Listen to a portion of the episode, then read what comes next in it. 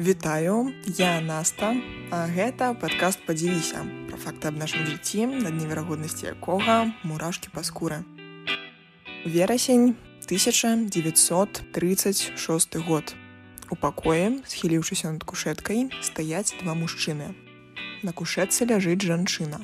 Зараз адбываецца аперацыя. А праводзіць яе яшчэ пакуль вядомая толькі ў вузкіх кругах Фрыман і Воц. Яны абодва выглядаюць вельмі сур'ёзна і нагода гэтай сур'ёзнасці сапраўды ёсць. Бо менавіта тут зараз упершыню ў злучаных штатах праходзіць аперацыя з мэтай пазбавіць пацыентку не ад нейкай фізічнай, ад псіхалагічнай хваробы. Жанчыну клічуць Эліс, і яна пакутая ад цяжкай формы дэпрэсіі і ад панічных атак. Але запынемся крыху больш на адным з мужчын, доктор Фрыман зараз пражывае асаблівае пачуцце. Бо калі сёння ў няго ўсё атрымаецца, то ўжо ў вельмі хуткім часе ён пакажа амерыканскай навуке рэвалюцыйны спосаб лячэння. Лячэння тых, каго вылічыць немагчыма. Нядаўна Фрыман знайшоў працы партугальскіх навукоўцаў Моніша і Ліма аб нейкай загадкавай лікатаміі, аперацыі, якая дапамагае ў лячэнні псіхічна хворых, паляпшае іх сімптомы і нават у больш паспяховых выпадках спрыяе іх акрыянню. І зараз Фрыман спрабуе зрабіць тое ж самае са сваёй пацыенткай. І у няго ўсё атрымаецца. Жанчына пазбавіцца сімптомаў, перашкоджваючых звычайнаму жыццю і ўпершыню за доўгія годы вернецца дадому на зусім, а не на кароткі час. А ўжо менш чым праз 5 год імя хірурга Уолтера Джейсона Фрымана будзе ведаць уся Амерыка. Зараз я, сумленна кажучы, вами маніпулявала. І калі Фрыман у вашай галаве пасля майго аповеда ўяўляецца як нейкі добры ўрач, таленавіты хірург і гэтак далей, то ў мяне гэта добра атрымалася. Але ў маім апавяданні няма ні слова хлусні. Я проста апранула свой аповед у пазітыўнае эмацыйнае адзенне і незнарок не заўважыла некаторыя факты. Ну, напрыклад, што Эліс пасля яго аперацыі адчувала дызарыентацыю складанасці з маўленнем і вельмі верагодна, што страсіла сваю асабістасць. Больш за тое, а друг гэтага цуда хірурга падчас яго прафесійнай дзейнасці памерла не менш, чым за 600 чалавек. Нават не гаворачы пра тых, хто на ўсё жыццё, як Эліс застаўся ў пакалечаным стане. Лічу, што гэта добрая нагода лішні раз паразважаць аб тым, як ціха і незаўважна магчыма прымушаць, нават без аніякага прымусу думаць, як трэба. Весці сябе так, як таго пажадаў хтосьці. Зусім як Эліс. Але ў нашым выпадку аніякай аперацыі дзеля гэтага не патрэбна. Але звернемся да нашага містера Фрымана. І каб лепей разумець сітуацыю, пачнем знаёмства з ім з самага пачатку. Волтер Фрыман нарадзіўся ў той сям'і, будучы часткай якой не звязаць жыццё з медыцынай проста немагчыма. Дзядуля яго быў піянерам амерыканскай неўралогіі, а продкамі Волтера былі знакамітыя фізіёлагі, у тым ліку і Льюіс Морган. І такая сямейная гісторыя зрабіла на ідэнтычнасць хлапчукам заўважны ўплыў. Волтер вырашыў таксама стаць урачом, скончыўшы школу ён паступае ў пенсільванскі медыцынскі універсітэт і там паціху разумее што яму патрэбна ад жыцця волтар хоча вырашаць сучасныя праблемы медыцыны а яшчэ ён хоча рабіць гэта хутка. Жадаючы не адставаць ад сваіх знакамітых родзічаў ён шукае славы ды як мага хутчэй і набірае псіхіятрыю як сферу дзейнасці Крыху пазней ён будзе большую частку свайго часу бавіць у вашынгтонскім шпітале святой Элізабет для псіхічна хворых. Там у няго будзе магчымасць вывучаць анатомію мозга на трупах. І ён вырашыць стаць тым чалавекам, які знойдзе нагоду ўсіх псіхічных хвароб у мозге. У свае 28 ён робіцца самым маладым дырэктарам лабараторыі за ўсю гісторыю шпіталя. Але знайсці, канешне, у няго нічога не атрымліваецца. Мозг псіхічна хворых быццам бы нічым не адрозніваецца ад мозга звычайных людзей. Прыблізна ў той жа час ён знаёміцца з сваім будучым напарнікам Джеймсам Вотсам. Працуючы разам яны знаходзяць звесткі аб вопытах свайго партугальскага калегі Эгаша Моніша. Той таксама, працуючы са сваім калегай, натхніўся вынікамі эксперыментаў над сабакамі і малпамі, якім руйнавалі сувязі ў мозге ў лобнай доле, пасля чаго тыя станавіліся менш агрэсіўнымі і з большым жаданнем кантактавалі з чалавекам. А чаму б не паспрабаваць такія ж цудоўныя вопыты на людзях, падумалі моніш дылім і пачалі рабіць аперацыі на пацыентах псіхіятрычных лячэбніц. Яны руйнавалі ім сувязі паміж лобнай долей і астатнім мозгам. І некаторыя пацыенты сапраўды станавіліся больш прыемнымі ва ўзаемадзеянні. Чаму некаторыя запытаеце вы? Да проста таму, што такі эфект быў толькі для 63соткаў пацыентаў. А ўсім астатнім ці было ўсё адно, ці станавілася горш. Аднак маніш вырашае, што гэта вельмі добрыя вынікі, што аперацыя ў агульным такі бяспечная, вырашаю карыстацца ў будучыні і дае ёй назву прэфрантальная лейкатамія. Вось такія дадзеныя і прынялі фрыман і Уотс і вырашылі паспрабаваць усё самастойна. Яны пачалі правадзіць аперацыі на хворах шизафрэніяй, дэпрэсіяй, няўрозамі і псіхозамі і пераназвалі яе з лейкатаміі ў лабатамію. У агульным выніку падчас гэтага выпрабавальнага тэрміну зрабілі 136 аперацый. З іх 112 аказаліся паспяховымі, а падчас іншых пацыенты ці памерлі ці засталіся ў лячэбніцы. Тут трэба адзначыць, што паспяховай лічылася кожная аперацыя, якая скончвалася тым, што пацыенты адпраўлялі дадому. То бок калі знешне чалавек падыходзіў пад нейкія сацыяльныя стандарты, не гаманіў, паводзіў сябе спакойна, яго стан лічылі палепшаным і адпраўлялі дадому. Знешне, канешне, ўсё выглядала вельмі добра, але вось унутры гэтыя людзі былі пакалечанымі. Часам яны станавіліся інвалідамі, няздольнымі больш самастойна за сабой даглядаць. Змяняліся ў характары, станавіліся млявымі, малаактыўнымі, меланхалічнымі.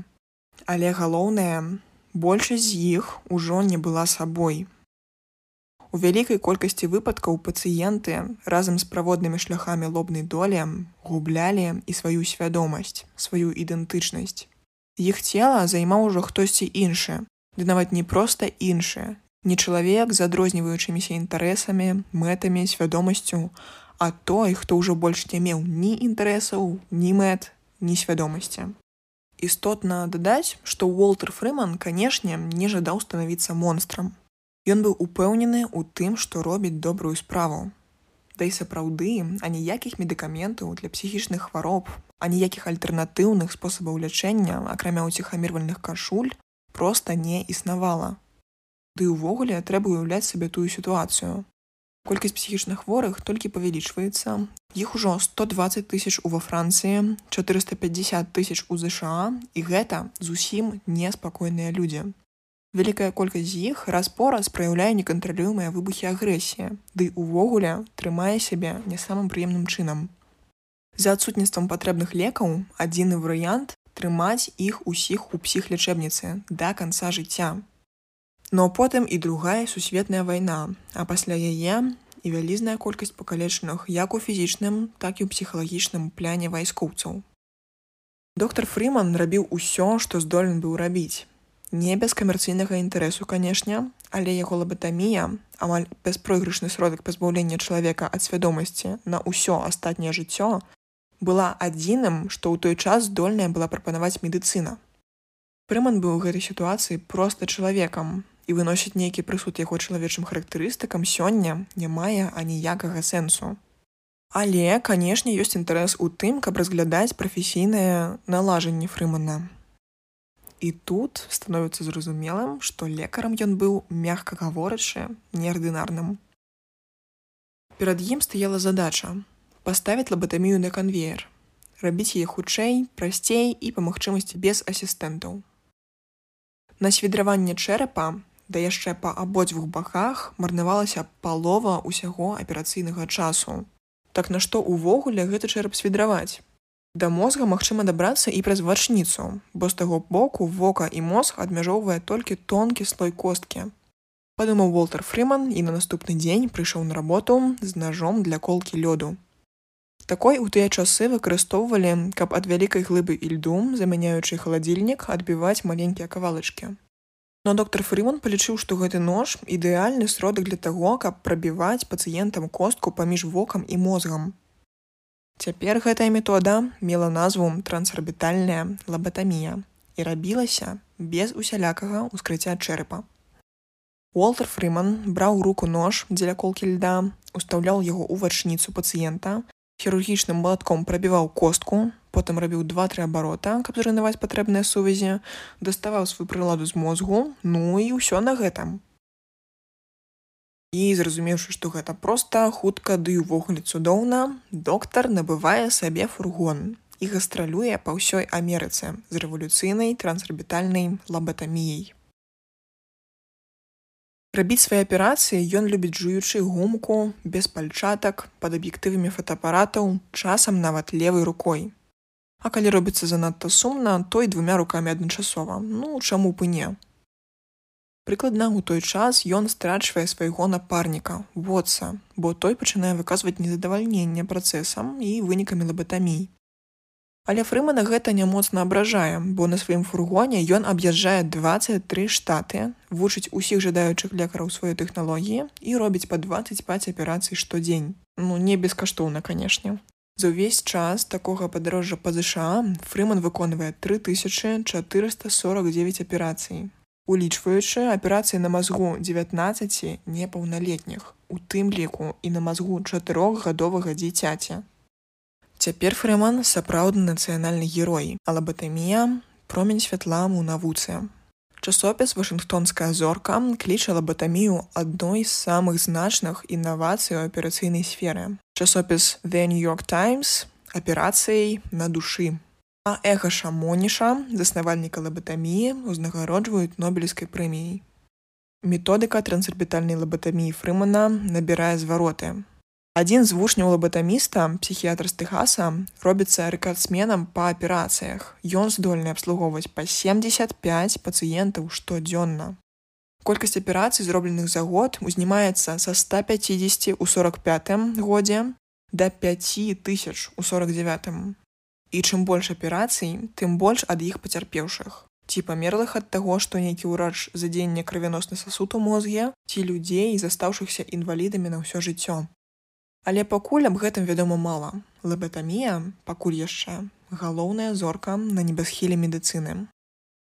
Інвалідам робіцца і розмары Кеннедзі, сястра будучага прэзідэнта Джона Кеннедзі.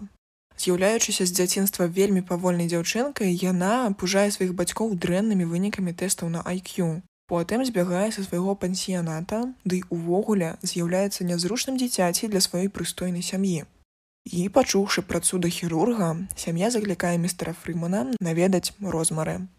Здольная самастойна даглядаць за сваім жыццём да аперацыі, пасля ёй патрабуецца ўвесь часная дапамога. І ў выніку сям'я Кеннедзі адсяляе яе куды далей. Пакупаю ёй асабісты дом, у якім яна правядзе ўсё сваё астатняе жыццё. Іншы не менш жахлівы кейс, калі 12гадоваму хлапчуку говарду даллі робяць лабатамію, бо ён хуліганіць. Мае падазрэнне на шизофрэнію і ўвогуле, бо так жадае яго мачаха. Хлапчук гэты трэба заўважыць, потым не толькі выжыве, як рыяе, але ў сталым зросце напіша кнігу моя лабатамія. Паступова ўсё большай колькасці чалавек становіцца зразумелым, што коштам знешняга супакаення інавацыйная аперацыя па сутнасці руйнуе асабістасць здольнасць да праяўлення ініцыятывы планавання сваіх дзеянняў падтрымкі устойлівай цікавосці да чаго б то не было. І тады от суд з'яўляюцца першыя лекі здольныя рабіць канкурэнцыю лабатаміі.